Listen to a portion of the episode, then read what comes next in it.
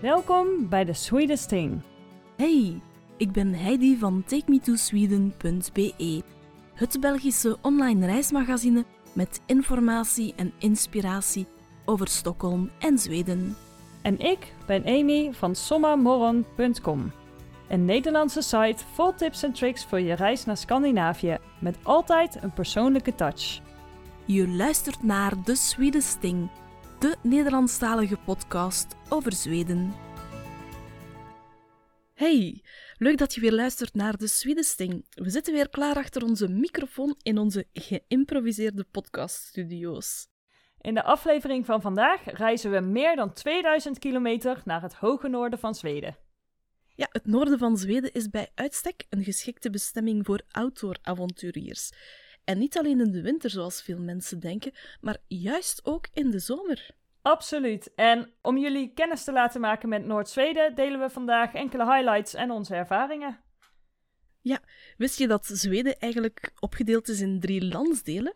Het noorden van Zweden noemen ze ook wel Norrland. En het is over dat gebied dat we het vandaag willen hebben. Norrland is dan weer opgedeeld in negen provincies, waaronder Norrbotten en Westerbotten je waarschijnlijk het bekendst in de oren zullen klinken. En Norrland eh, bevat eigenlijk 59% van de hele oppervlakte van Zweden. En toch wonen er maar 12% van de Zweedse bevolking. Dat is ja, ongeveer 1,2 miljoen inwoners. Ja, bizar eigenlijk, hè? Het is zo dun bevolkt. Dat is, ehm, eh, als je rust zoekt en natuur, dan is dat je place to be. Ja, daar hebben ze echt nog wel uh, ruimte voldoende. Ehm, maar Norrland en Lapland, dat zijn eigenlijk twee verschillende dingen. Uh, wat is het verschil eigenlijk met Lapland? Ja, die twee worden vaak door elkaar gehaald. Lapland is een gebied dat eigenlijk de no landsgrenzen van Noorwegen, Zweden, Finland en ook een stukje van Rusland overschrijdt. Dit is het leefgebied van de Sami, het traditionele volk dat, daar, dat daar al van oudsher woont. En zij noemen het gebied Lapland uh, Sapmi. Dus dat, dat heeft echt een hele andere naam. Het Zweedse deel van Lapland loopt door meerdere provincies. Dus niet alleen Noordbotten en Westerbotten, wat we, waar we het net over hadden. En het, de totale oppervlakte van Zweeds Lapland is nou, bijna 110.000 vierkante kilometer, wat echt enorm is. Nou willen we heel graag meer vertellen, meer leren over de Sami. Maar het is best een gevoelig onderwerp waar, uh, waar we gedegen onderzoek naar willen doen en het gewoon ja, een, een, een, mooie aflevering over maken. Dus nou, dat hopen we in de toekomst te doen. We gaan er vandaag niet al te veel over zeggen om die reden. De noordelijkste stad van Zweden ligt ook in dit gebied. En dat is Kiruna. Daar gaan we dadelijk zeker meer over vertellen. Alleen het leek me grappig om even voor de beeldvorming uh, wat te zeggen over de afstand. Want ik denk dat niet iedereen in de gaten heeft hoe ver het eigenlijk van ons vandaan ligt. Stel je even in, als je vanaf Eindhoven, waar ik dus woon, met de auto naar Kiruna rijdt, dan leg je meer kilometers af dan wanneer je vanuit Eindhoven bijvoorbeeld naar Moskou rijdt of naar Marokko. Ja, dat is echt wel grappig om je in te beelden. Hè? Ik zeg altijd, ik maak altijd een vergelijking met Italië. Dus als je van Oostende of Brussel naar het uiterste puntje van uh, Italië zou rijden, dan ben je eigenlijk bijna even lang onderweg als dat je van Malmo, Malmö, sorry, het zuiden van Zweden, naar het noorden van Zweden zou rijden. Dus uh, ongeveer ja. ja. 23 uur, 21, Zoiets, 22, ja. 23 uur zonder pauzes, afhankelijk van hoe, hoe snel je rijdt. Ja. Ja, dus uh, het ligt echt heel ver. En um, ja, het is, het is een onwijs mooi gebied. We gaan je vandaag helemaal erin meenemen. Want Heidi, ben jij alles in Noord-Zweden geweest? En zo ja, was dat in de, in de zomer of was het in de winter? Ja, beide eigenlijk. Um, de zomer van 2017 heb ik een treinreis gemaakt uh, tot boven de Poolcirkel. Dat was echt slow travel. Ik reisde toen met uh, inlandsbanen. We hebben dat uh, alles verteld, of daar alles over gesproken. Um, en die trein die stopt regelmatig. Die rijdt één keer per dag. Er zijn twee treinen. Eentje rijdt van Mora naar Östersund en de andere rijdt van Östersund naar Gällivare. En je kan eigenlijk stoppen wanneer je wil en dan de volgende dag of een paar dagen later met, de, een, ja, met dezelfde trein of een volgende trein dan um, terug verder reizen. Je kan ook uh, heel de dag blijven zitten en dan uh, ja, ben je een ja, meer dan 12 uur onderweg. Uh, en die, maar die trein die stopt sowieso. Die stopt om fika te doen, die stopt om een museum te bezoeken. Um, ja, fantastische reis was Oh, dat. het- dit lijkt me zo leuk om een keer te doen. Het is eigenlijk echt een soort van culturele treinreis die je maakt. Dus ze vertellen ook over de omgeving, toch? Ja, ja, ja. Dus er zijn ehm, ja, gidsen aan boord die zowel in het Engels als in het Zweeds uitleg geven over wat je er allemaal te kan zien. Eh, ze vertellen een stukje geschiedenis. Eh, ja, het is echt heel leuk. Eh, en ik heb onderweg het traject ja, afgewisseld tussen wildkamperen met campings en hotels. Ik reisde alleen en dat wildkamperen, dat was, ja, dat was een hele uitdaging, een hele belevenis. Ja, Maar ik was dan ik. toch soms blij om een warm bed in een hotel te kunnen nemen. Ehm, en dan ben ik nog verder gereisd naar Kiruna. Ben ik, eh, heb ik een nachtje in het ijshotel doorgebracht. Dat kan je ook in de zomer eh, trouwens doen, Mhm. eh, in het ijshotel. Sinds een paar jaar, wel eigenlijk sinds 2017, want dat was het eerste jaar, hebben ze een ijshotel dat het hele jaar door toegankelijk is. En als je zou denken, ja, in de zomer moeilijk. Eigenlijk ehm, bewaren ze andere ja, allee, vroeger bewaarden ze ook het ijs het hele jaar door. Want dus het, ijs, het ijshotel dat in ehm, de herfst gemaakt wordt, is eigenlijk met ijs van het jaar ervoor. Oh, en daarvoor hadden, ze, ja, hadden ze een hele constructie ehm, in de zomer met zonnepanelen en zo, waardoor het eigenlijk toch wel ja, niet zo milieuonvriendelijk is als je zou denken. Ik geloof zelfs dat ze er een punt van maken om dat energie-neutraal te doen. Ze hebben zon genoeg in de Oh, zomer daar. interessant. Ja, Ja. ik ben er wel ooit langs gereden, maar ja, nooit verbleven. Ja, wel, ehm, zoals ik op Take Me to Sweden geschreven heb, is een overnachting geen must. Ik vond het heel mooi om te bezoeken. Ehm, en het was ook wel... Ja, het is een once in a lifetime. Misschien moet je het wel eens gedaan hebben. Ehm, maar als je het nog niet gedaan hebt en, en ja... weet je, het ding is, ik zeg altijd, als je je ogen dicht doet, dan ja, voel je enkel nog de kou. En dan die mooie ijsculturen van het ijshotel, Ja, die zijn dan, wel een niet. beetje weg. Ja, Ehm, en wat voor mij vooral de domper op de feestvreugde was, die, was, die slaapzakken die worden ehm, door meerdere mensen gebruikt en mogen niet zo vaak gewassen worden. Dus je krijgt wel een lakenzak om erin te doen, maar ja, die slaapzakken die stonken verschrikkelijk. ja. Eh, en ja, dat was het enige waar ik aan kon denken van, oh, dat stinkt. Dus ehm, ja, het was koud en, en het rook niet zo fris. Dat is zo'n Nee, beetje, oh. helaas, mijn eh, herinnering van het ijshotel. Maar het is, het is misschien wel een once in a lifetime. En dan misschien als je met twee in die slaapzak ligt, dat het eh, ook niet zo koud is. Ehm, maar ja, maar als, ja, een bezoekje moet je zeker Ja. eh, doen daar. Want die ijssculpturen zijn echt fantastisch.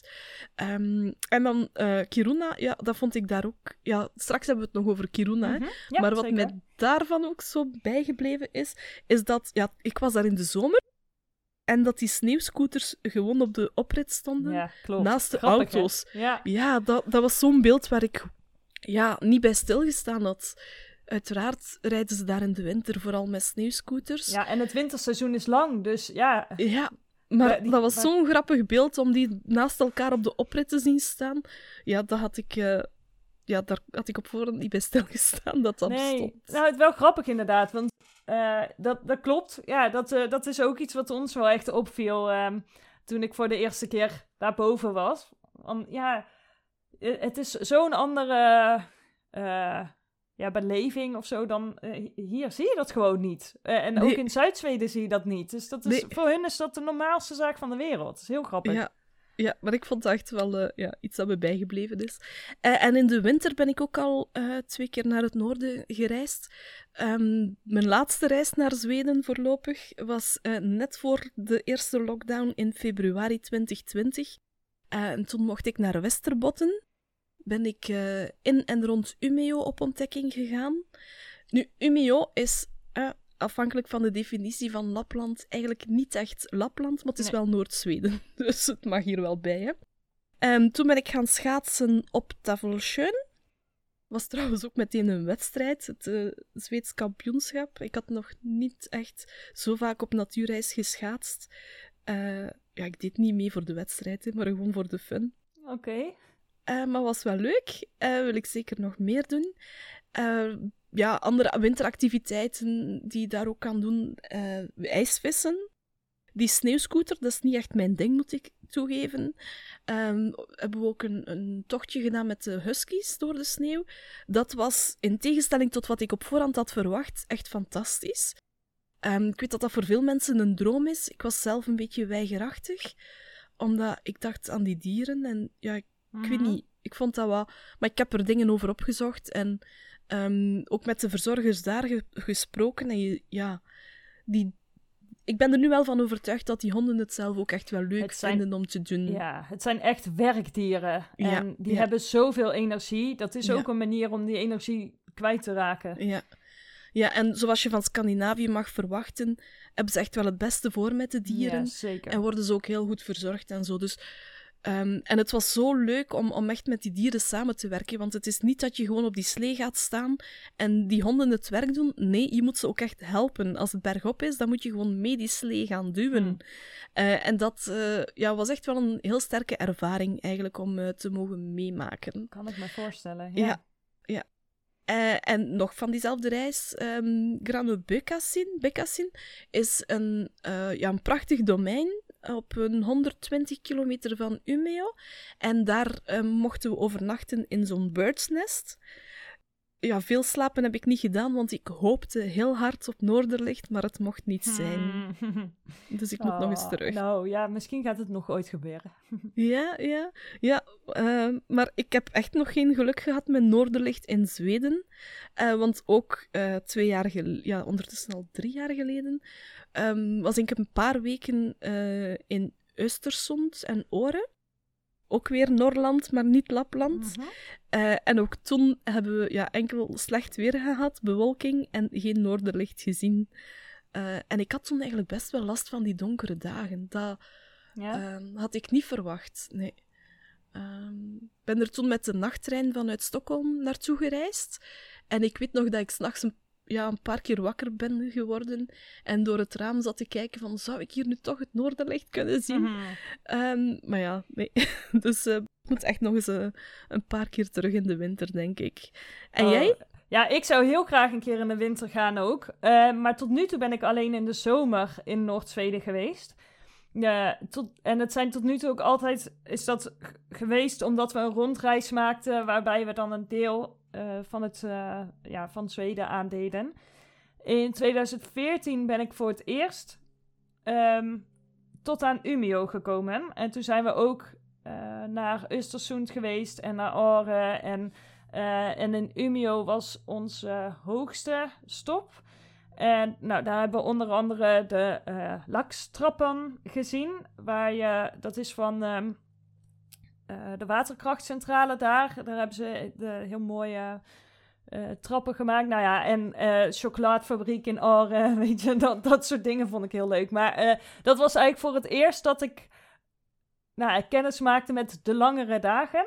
En ook merkte hoezeer dat je ritme verschuift als je in de zomer dus daar bent en nou ja, mhm. dat het om, om 11, 12 uur gewoon nog licht is, dat, dat vond ik heel bizar. En ik merk wel, nu ik dus vaker in Noord-Zweden ben geweest, dat, dat, dat dat ook wel went. Omdat je lijf, of ja, je weet meer wat je kunt verwachten daarin. Ehm, een jaar later, uh, dus in 2015, hebben we opnieuw een rondreis gemaakt. En toen zijn we tot Piteå gekomen. Dus dat is nog een stuk hoger dan Umeå. En zijn we als dagtrip zijn we naar Jokmok gereden. Dat is toch nog best wel een eind, eindje rijden. en dat is de eerste keer dat ik een uh, kudde rendieren gewoon zo in het wild zag. Ehm, waarom wilden we daarheen? Een vriend van mij uit Stockholm vertelde over een, um, ja, hoe zeg je dat? Een verlaten dorpje dat vlakbij Jokmok ligt. En nou, die wilden wij gewoon heel graag zien. Dus we dachten, nou, we rijden er gewoon naartoe. Nou, dat bleek toch iets verder te zijn dan we uh, aanvankelijk dachten. En ook zo met de afstanden ja, in Zweden. Zeker, ja. En Ehm, nou ja, daar hebben we gewoon op dat moment niet over nagedacht. Dus uiteindelijk hadden we, kwamen we pas om, uh, om 11 uur, half 12 s'avonds terug bij ons huisje. En toen moesten we nog avondeten. Dat, uh, was niet helemaal een goede inschatting. Maar wat ik me van die reis herinner, is dat we op een gegeven moment op een, uh, op een weg reden. En eh, rechts van ons zagen we uit de bossen ineens een kudde rendieren. En ik riep naar mijn vriend: stoppen, stoppen, stoppen, ik wil een foto maken. En dat lukte niet helemaal. Dus, eh, en ik was al een beetje teleurgesteld. Ik denk, oh, nou zien we er helemaal geen meer. En dit was mijn kans. En ineens komen ze gewoon uit de bossen de weg over. En ja, gaan ze op die weg staan. Oh. Helemaal rustig. En ze lieten mij ook best wel. Ik, natuurlijk heb ik afstand gehouden, maar relatief dichtbij ehm, eh, komen om foto's te maken. En ik weet nog dat ik echt helemaal excited was. Oh, ik, ik heb voor het eerst rendieren gezien in het wild. Ehm, nou ja, goed. Dat, eh, dat is inderdaad. Nou ja, daar heb ik toen inderdaad die foto's heb ik op eh, ehm, mijn blog gezet en Facebook. En ik dacht helemaal, kijk wereld, ik heb zo'n zo mooie Ja. foto's gemaakt van rendieren. Inmiddels heb ik ze al vaker gezien. Maar goed, ehm, dat vond ik wel, dat is wel een leuke her- herinnering van toen. En voor mij echt een super mooie herinnering is de zomer van 2019. Toen hebben wij een roadtrip gemaakt naar de Noordkaap in Noorwegen. Eh, dan zijn we gewoon via Noorwegen omhoog gegaan. En uiteindelijk dan via een stukje Finland en Zweden terug naar beneden. En ja, nou daar heb ik zoveel mooie herinneringen aan, aan die reis. En we hebben zoveel gehiked. En ehm, ja, daar, daar gaan we dadelijk nog misschien wel wat dingetjes uit benoemen. Maar eh, dus ja, mijn herinneringen aan, eh, aan, aan Noord-Zweden in de zomer zijn echt fantastisch. Wat ik nog misschien wel grappig vind om te zeggen, ik noemde net Piteå, waar wij ge- verbleven hebben. En in Piteå worden vaak de hoogste watertemperaturen van Zweden gemeten. En daarom noemen ze het ook wel eens de Swedish Riviera. Want veel mensen uit het noorden gaan daar dus op vakantie, omdat het water daar zo lekker is en de temperaturen goed. Ehm, ja, nou ja, dat, ik vind dat wel een grappig, eh, eh, grappig weetje, zeg maar. Dat had ik Ja. gewoon zelf niet verwacht. Maar je ziet daar echt enorme campings met, en ja, aan het water van allemaal mensen die daar lekker hun vakantie gaan vieren. Ehm, misschien moeten we het eens even hebben over onze mooiste herinnering in Noord-Zweden. Ja, nou goed idee. Zal ik er meteen eh, Ja, eh, doe maar. doorgaan? Ja, voor mij is dat eh, dus die reis uit 2019. Ik weet niet of ik er eerder over verteld heb, maar mijn mooiste herinnering is denk ik wel het hiken met huskies ook. In de, in de winter trekken ze vaak de sledes en heb je hè, allerlei activiteiten. Maar in de zomer, om die honden te trainen, ja, vinden zij het ook gewoon heel lekker om gewoon lang te wandelen. En voor mijn dertigste verjaardag in 2019 had mijn vriend dus geregeld dat we met zo'n wildernisgids eh, gingen wandelen, meerdere dagen. En nou ja, inclusief hè, wild kamperen, dat soort zaken. En nou ja, we kregen dus ieder een huskyhond. Dan krijg je zo'n band om je middel en die trok ons er echt doorheen. Ik herinner me ook dat we op een gegeven moment echt een stuk door het moeras moesten lopen. En ik zat er helemaal doorheen. Ik dacht, ik heb hier helemaal geen zin in. Ja, en die hond, die, je moet wel. Ik bedoel, je kunt daar niet stilstaan. Maar die hond, die trekt je er echt doorheen. En het was zo gaaf om te zien hoeveel energie die dieren hebben. Nou ja, we, we hebben heel veel geleerd over de natuur. Wat is eetbaar, wat is niet eetbaar? eh, hoe kun je het beste vuur maken? ehm, allemaal dat soort dingen. En ja, dat is voor mij een herinnering die ik ehm, eh, nog heel vaak in gedachten herbeleef. Ik heb er ook een stuk over geschreven. En in de voorbereiding van deze podcast las ik dat artikel dus even terug op mijn site. Toen dacht ik, oh, ik wil dit zo graag nog een keer doen. Maar ehm, ja, dus wat dat betreft, dat, ik vond dat een hele gave ervaring. Dat is het voordeel hè, aan een blog bijhouden. Dan eh, kan je Zeker. af en toe je reisherinneringen Ja. eh, terug is, eh, bovenhalen. Toch een Ja. soort dagboekje uiteindelijk. Ja, uiteindelijk wel. Ja. En, en wat is jouw mooiste herinnering? Wel, misschien niet de mooiste, maar wel de grappigste, denk ik. Ehm, ik neem jullie terug mee naar de reis met de inlandsbanen. De laatste dag, want ik ben niet alleen helemaal naar het noorden gereisd met die trein, ik heb ook de terugreis gedaan. Veel mensen doen dat niet, ehm, maar ik wou dat wel per se doen. Ehm, misschien net omdat niet iedereen het doet, dat ik dus wel wetende. Ja. Ik vond dat ook echt wel slow travel om ook met diezelfde trein terug te keren en niet met een snellere trein zoals de meeste mensen doen. Maar het was midzomer, eh, die laatste dag, toen we van Östersund naar Mora terug eh, naar beneden zouden reizen. En een aantal mensen leer je wel kennen op die trein. Dat zijn twee wagons. Ehm, en het programma is, of niet iedereen volgt misschien dezelfde route of heeft dezelfde plannen, maar heel vaak kom je mensen terug tegen. Dan een paar Oh, ja. dagen later zitten ze terug op de trein. Ehm, en zo ook met drie eh, koppels, drie iets oudere Zweedse koppels. En de laatste dag zaten we eigenlijk nog enkel met ons zeven op de trein. En we hadden ondertussen wel al eh, wat contact en wat zitten babbelen en zo. En waren eigenlijk wel grappige mensen. En ehm, zij wilden mij het liedje Smoke Gröderna leren. Oké. En in, ik dacht, ze gaan mij gewoon de tekst aanleren. Maar plots stonden die allemaal recht. En wij hebben dat dansje zitten doen in het gangpad van die trein. En ik heb er geen foto's van, ik heb er geen filmpje van. Maar het zit zo hard op mijn eh, netvlies gepind, dat beeld. Het, ja, het, is, het was zo grappig om daar die zes iets oudere Zweden te zien huppelen, en dat ene België dan, te zien huppelen op dat liedje in die trein. En echt, ja, die gaven zich volledig. Dat was zo mooi om te zien. Dat is, ja, Maar dat zijn die- de mooiste herinneringen, hè? Waar je misschien Ja. geen foto's van hebt, geen video's, gewoon... Je draagt ze bij je. Ja. ja. Ik weet dat ik toen even gedacht heb van, oh, ik zou hier toch wel... Ik zou dit moeten kunnen filmen, maar ik heb het bewust niet gedaan. En het is inderdaad, ja, ehm, iets dat heel sterk bijgebleven is. Dus Ja. ondanks dat er eigenlijk geen bewijsmateriaal van is. Nee, oh, wat leuk. Oh, dat is wel een heel bijzonder moment, kan ik me zo voorstellen. Ja, ja, ja. Ja, dat liedje heeft nu plots eh, wat meer betekenis gekregen. Ja, Of, allee, er hangen wat meer herinneringen aan nu. Dus Snap eh, ja, ik, het is wel leuk. Ja. Met kwaken en al. Oké, nou, misschien had ik toch heel graag een videootje gezien. Ja. Uh, uh. Ehm, misschien is het wel leuk om een aantal tips te geven. Om, ja, voor dingen die je zou moeten, of die wij zouden aanraden om te doen of te Ja. bezoeken in het noorden. Ehm, Ik denk dat eh, een van de originele, of ja, dingen, is, misschien wel toeristische topbestemmingen, ehm, Kiruna is. Ja. Kiruna is op zich, ja, gewoon maar een stadje. Het- ja, het is niet van heel het- groot. nee, het is, is het het meest noordelijke stadje van Ja, Zweden? ja, ja, volgens mij is het inderdaad de, de Ja. noordelijkste echte stad. Ja. Ehm, maar wat er zo speciaal is, is dat die stad moet verhuizen. Die moet vier kilometer verder eigenlijk terug opgebouwd worden. En toen ik er was, waren ze net het eerste huis dichtst bij de mijn aan het afbreken. En die zou gewoon een beetje verder terug heropgebouwd worden. Eh, het stadhuis stond er nog toen ik er was. Ondertussen Mhm. heb ik al beelden gezien dat dat eh, ook al weg is. Ehm, ja, je kan het je gewoon niet echt inbeelden, hè, dat ze volledige huizen afbreken om dan vier kilometer verder terug Nee. eh, te heropbouwen. Nu, het is ook niet helemaal zo. Ze verleggen eigenlijk gewoon het stadscentrum. Ehm, en een aantal eh, huizen die van waarde zijn, die worden afgebroken en heropgebouwd. Ja, ze bouwen ook maar nieuw, niet hè? alles, hè? Ja, Ja. ja. het is echt. eh, dus ik denk dat de sfeer van die stad helemaal veranderd is ook wel. En er zijn voor- en tegenstanders. En ik wil over een paar jaar nog eens teruggaan. Ehm, om het contrast te zien met hoe het toen Ja. was.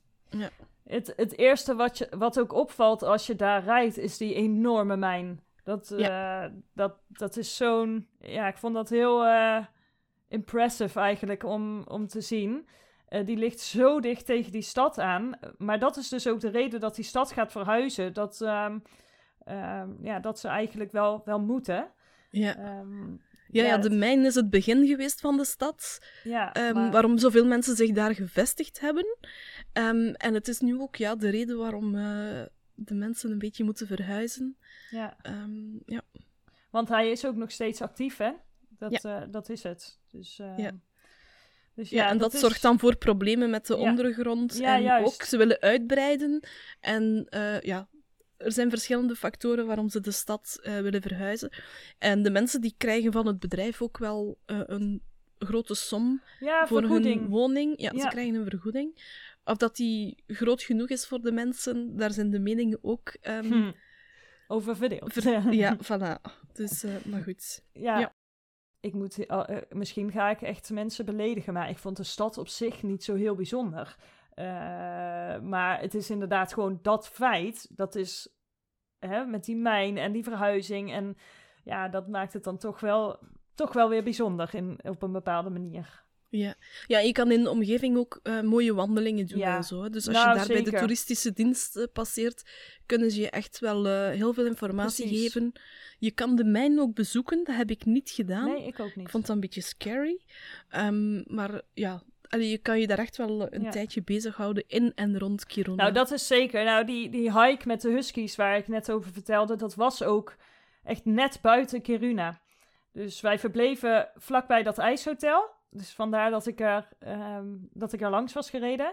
En eigenlijk aan de andere kant van Kiruna wonen de mensen die die husky farm hadden. Dus ehm, eh, nou ja, dan zijn we daar ook geweest. Maar ehm, er is genoeg te doen in de omgeving. Mhm. Ja, zeker. Maar de stad is ook niet heel groot, hè. Ik bedoel, ja, het, wat we zeiden het al, het is super eh, rustig of eh, dun bevolkt. Dus het is geen hele grote stad, maar goed.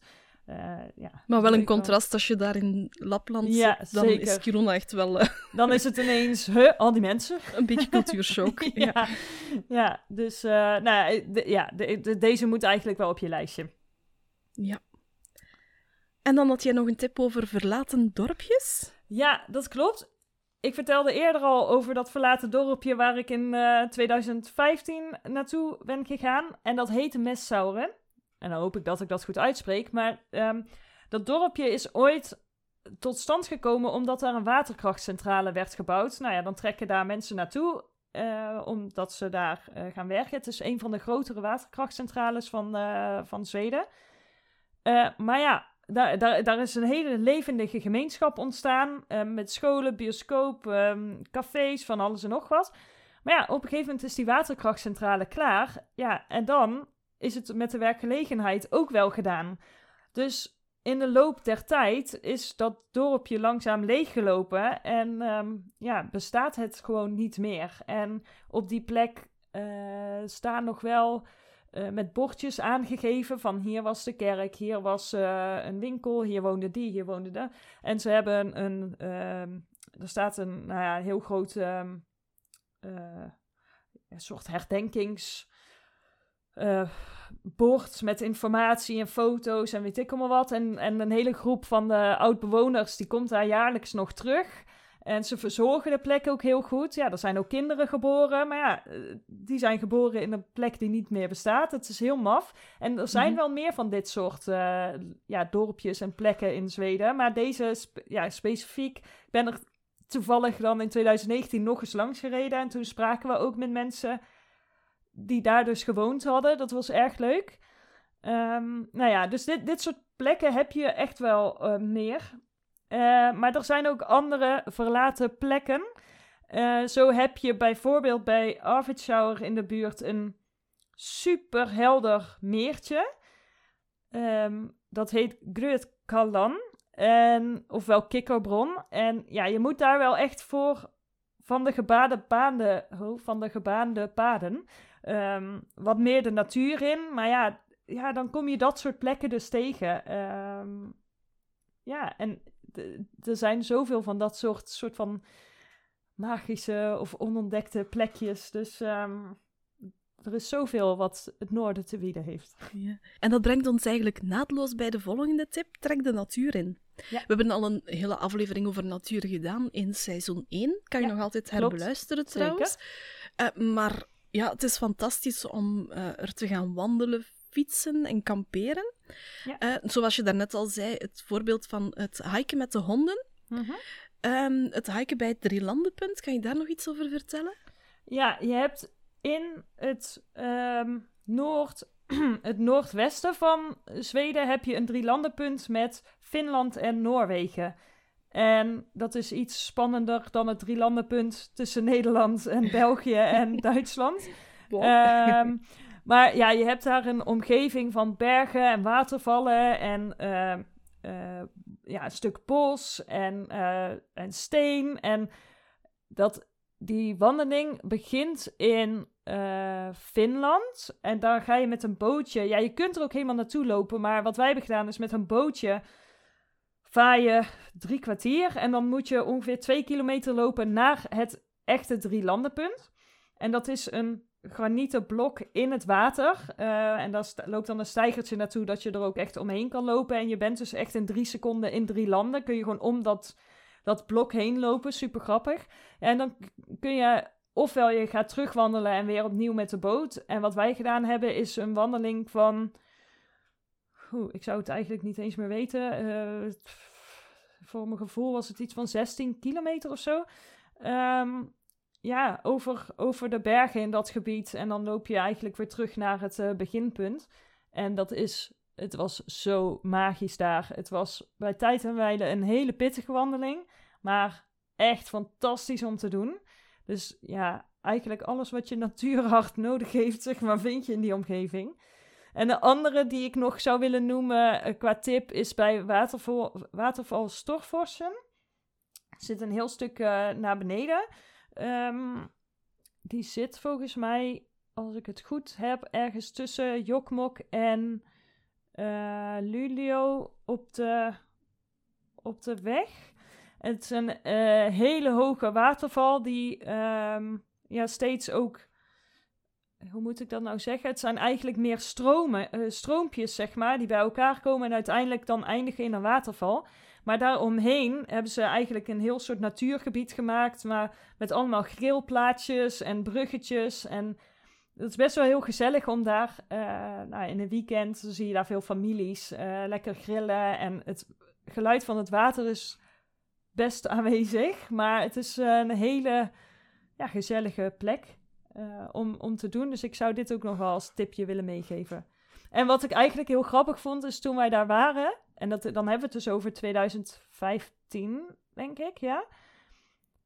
Dat ze toen daar al een heel wifi-netwerk hadden aangelegd. Voor de mensen die daar gewoon in het weekend uh, lekker hun uh, worstjes gingen grillen. Toen dacht ik echt, hè? Je hebt hier gewoon volledig wifi bereik. Dat, uh, daar waren ja. de, de Zweden toch wel al ver mee. Ja, dat viel mij ook op dat er echt overal 4G en goede ontvangst was. Ja. Want ik had op voorhand gezegd van oké, okay, ik neem echt bewust vakantie. Ik had, ja, als zelfstandig, al part-time freelancer, is dat soms moeilijk om niet naar de mails te kijken en om echt ook te ontkoppelen. Uh, maar ik had echt op voorhand aan al mijn klanten gezegd van kijk, ik ben niet bereikbaar, ik zit in Zweeds-Lapland, ik heb daar geen verbinding. Uh, maar dan bleek dat dat niet zo was. Ik had er echt overal verbinding, een heel goede verbinding. Dus ik was er een beetje ja. teleurgesteld in, eigenlijk. Nou, ik ben wel op plekken geweest waar het wat minder was, maar je hebt gelijk. Over het algemeen is het echt heel goed daar. Ja, uh, ja je kunt bijna nergens meer even ontsnappen aan uh, connected zijn. Ja, ik kon gewoon mijn gsm ja, uitlaten. Tuurlijk, tuurlijk, maar, maar, Het, ja, het was toch verleidelijk om hem elke dag wel Precies. even op te zetten, terwijl ik daar rekening mee had te houden, of op gehoopt had dat dat niet mogelijk zou zijn. Um, maar niet iedereen um, rekent daarop. Iemand die mee was met de inlandsbanen, uh, die ook alleen reisde, een Duitser dacht ik, die uh, had geen kaarten van de omgeving bij. En die zou daar in zijn eentje gaan trekken en hij rekende eigenlijk op Google Maps. Oh, om ja. hem wegwijs te maken. Um, hij had geluk, want ja, inderdaad, 4G werkte er perfect. Maar hij had één iets niet voorzien, en dat is dat zijn batterij niet um, eindeloos meeging. Oh.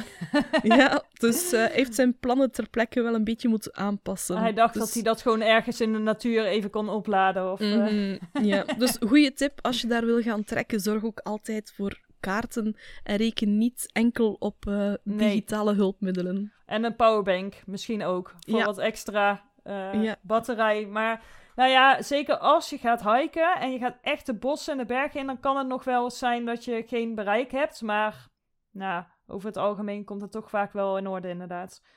Dus, uh, dus dat is een goede tip. Maar kaarten meenemen, zeker. Ja. De volgende tip over de Sami. Ja, we hadden het er al heel even over. We gaan er niet te veel over uitweiden. Maar in Jokmok heb je het Itemmuseum. En dat is een prachtig museum. Best wel klein, maar het geeft heel mooi de geschiedenis uh, en de achtergrond van de Sami weer. Van het eerste begin, of tenminste voor zover ze dat weten. Nou ja, tot uh, uh, qua, hè, met, met klederdrachten, gebruiken... Uh, hoe ze woonden, eigenlijk alles proberen ze daar samen te brengen.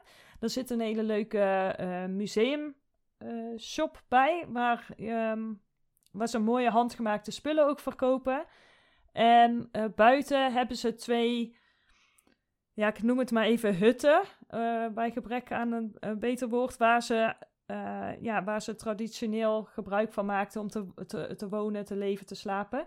Ehm, ik vond het echt een heel mooi museum. Uh, ja, je hebt denk ik ongeveer een uur of twee nodig om het meeste wel te zien. Ehm, maar dit zou ik zeker aanraden als tip. Zeker als je meer over de Sami wil uh, leren. Ja.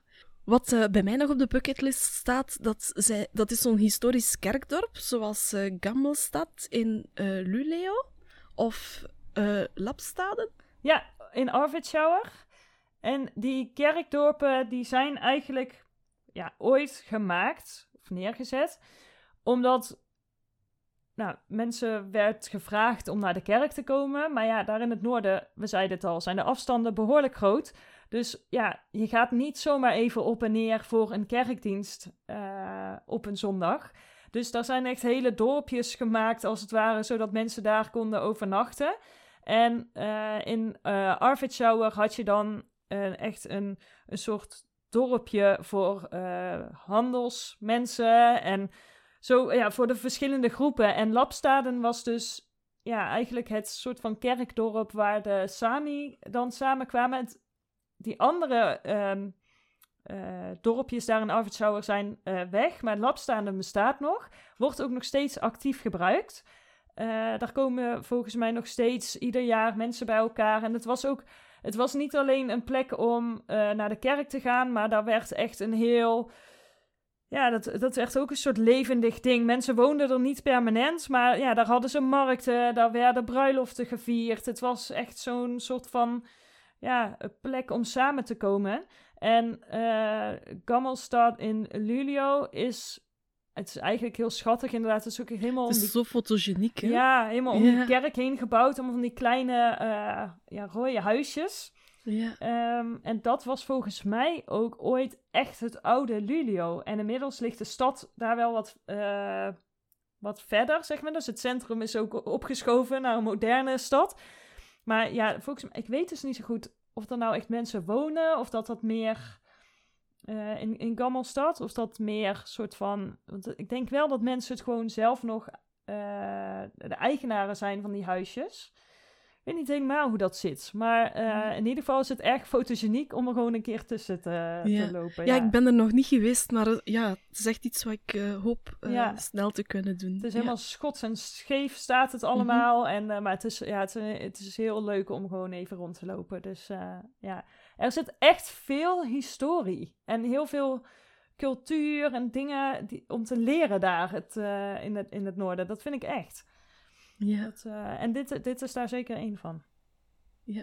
Wat ook heel leuk is, um, of voor veel mensen ook op een bucketlist staat, dat is zo echt die poolcirkel overgaan. Ik weet dat inlandsbanen, die stoppen ook echt. Um, dat staat er ook aangeduid. En het grappige is dat uh, als je dat gedaan hebt, en iedereen heeft foto's genomen, dat ze dan zeggen dat dat eigenlijk niet meer de juiste plaats is.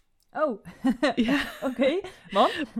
Ja, vroeger was het blijkbaar wel zo, maar ondertussen ja, nieuwe metingen of ja, dat mhm. het, het, de Noordpool verschuift ook elk jaar. Ik dacht dat het daar iets mee te maken heeft. Ah, oké. Um, dus, maar ja, ik vond het wel grappig, want iedereen zat daar foto's te nemen, selfies, en dan bij dat monument en zo. En die mhm. trein stopt daar ook echt speciaal voor. En krijg je ook zo'n certificaat dat je daar geweest bent en zo. Maar dan, ja, als je dan terug op de trein zit, dan vertellen ze, ja, eigenlijk uh, is het niet meer hier, maar waren we er al voorbij of zo. Dus ik vond dat wel... Oké, oké, okay, ja, dat... Uh, uh... Nou, ik heb dus die treinreis nooit gemaakt. En die staat echt bij mij op de bucketlist. Maar ja, ik denk wel, of het nou helemaal correct is of niet, dat uh, het toch wel een soort gedenkwaardig momentje is om die poolcirkel voor het eerst, zeg maar, te passeren. Dat je echt denkt, zo, nou ben ik echt in het noorden. Ja, ja, het is ook wat mensen ervan maken. Hè. Het is zo... Um, niet iedereen komt daar. Dus nee. um, ik ben er eigenlijk ja, zowel in, in Noorwegen, Zweden als Finland alles overgegaan. En ik blijf het elke keer toch wel iets speciaal vinden, omdat dat, ja, dan zit het echt boven de, de poolcirkel. Dus, uh... Je kunt dus een stempel in je paspoort laten zetten als je de poolcirkel overgaat. Wij hebben het allebei, geloof ik, nog niet gedaan, hè? Ik in ieder geval niet. Ja. Ik zou het wel doen, ehm, maar ik ben eigenlijk al elke keer mijn paspoort vergeten. Dus ehm, ja, bij ons in België is het zo dat je ehm, binnen de EU gewoon je identiteitskaart nodig hebt. Die moet je in België trouwens ook altijd op zak hebben vanaf je 12 jaar bent. In Nederland ligt dat anders, hè?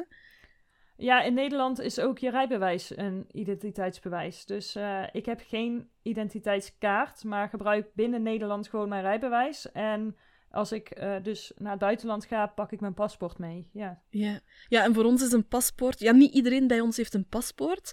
Um, die, moet je, ja, die kost meer dan 100 euro, denk ik. Is vijf jaar geldig. En wij hebben die eigenlijk enkel nodig als we buiten de EU ja. willen reizen. Dus voor Zweden ja, volstaat onze identiteitskaart. Maar dat is wel hetzelfde hoor, in, in Nederland. Maar we hebben denk ik wat meer de keuze omdat in Nederland dus je rijbewijs ook als ID-kaart gezien wordt. Maar binnen Europa kun je volgens mij gewoon altijd met je eh, identiteitskaart reizen. Ja. ja. Ja, dus ik had ja, geen enkele van de opportuniteiten dat ik zo de Poolcirkel ben gepasseerd, uh, had ik er op voorhand aan gedacht om mijn paspoort mee te nemen. ik zou het wel leuk vinden om daar zo'n stempel uh, in te hebben. Um, het is niet dat ik de laatste tijd nog veel stempels verzamel in dat paspoort. nee. Um, ik denk dat er in mijn huidig paspoort nog maar één stempel staat van Azerbeidzjan. En uh, ja, dan was het wel leuk geweest om die, Pool, die Poolcirkelstempel er ook bij te kunnen hebben. Ja. Maar goed, dat moet ik uh, de volgende keer echt onthouden. Dus laat het een tip zijn voor de ja, luisteraars. Nou ja, zeker. Neem je paspoort mee. Ja, ja. Ik, ben er, ik ben daar misschien wat minder gevoelig voor. Ik denk dan, ik vind het leuk om te tippen, omdat ik weet dat veel mensen dat leuk vinden. Um, ja, nee, zelf hecht ik daar dan niet zoveel waarde aan. Maar het is zeker, nou, zeker de eerste keer dat je de polscirkel overgaat, voelt het toch als momentje, denk ik. Ja, in ieder geval, dat had ik wel. En als je dan eenmaal de polscirkel over bent, dan kom je in het land van de middernachtzon en het noorderlicht. Dus laten we dat mooi gebruiken als bruggetje naar het woord van de week. Het woord van de week. Voor deze aflevering hebben we eigenlijk twee woorden van de week. En het eerste woord is midnatsol en het tweede is polarnat. Ja, want de zon die gaat niet onder of boven de horizon um, in het stukje boven de poolcirkel. Um, en die polarnat, de poolnacht, is eigenlijk niet per se een zwarte nacht, want je hebt, het sneeuw, je hebt de sneeuw en het maanlicht. Uh, en heel vaak heb je ook het noorderlicht. Dus um, het is niet donker-donker, het is eerder schemering. Ja, precies. En in de zomer is dat dus juist andersom. We stipten dat er straks al heel even aan, maar dan heb je juist uh, de middernachtzon, waarbij de zon dus niet onder de horizon komt. Waardoor je, uh, nou sowieso is het dan uh, een stuk lichter, hè. Dus, uh, nou ja, dat je s'avonds om 12 uur buiten staat en denkt, goh, het, is, hè, het is gewoon licht buiten. En dan verandert het licht wel iets hoor, maar, maar dat is wel bijzonder. Maar ja, als je, als je een beetje geluk hebt en het is goed weer, dan zie je ook echt de zon nog gewoon, ja... Fijn, ja, ja, echt aan de horizon als een soort brandende bol, zeg maar. En ik heb dat nu drie keer gezien.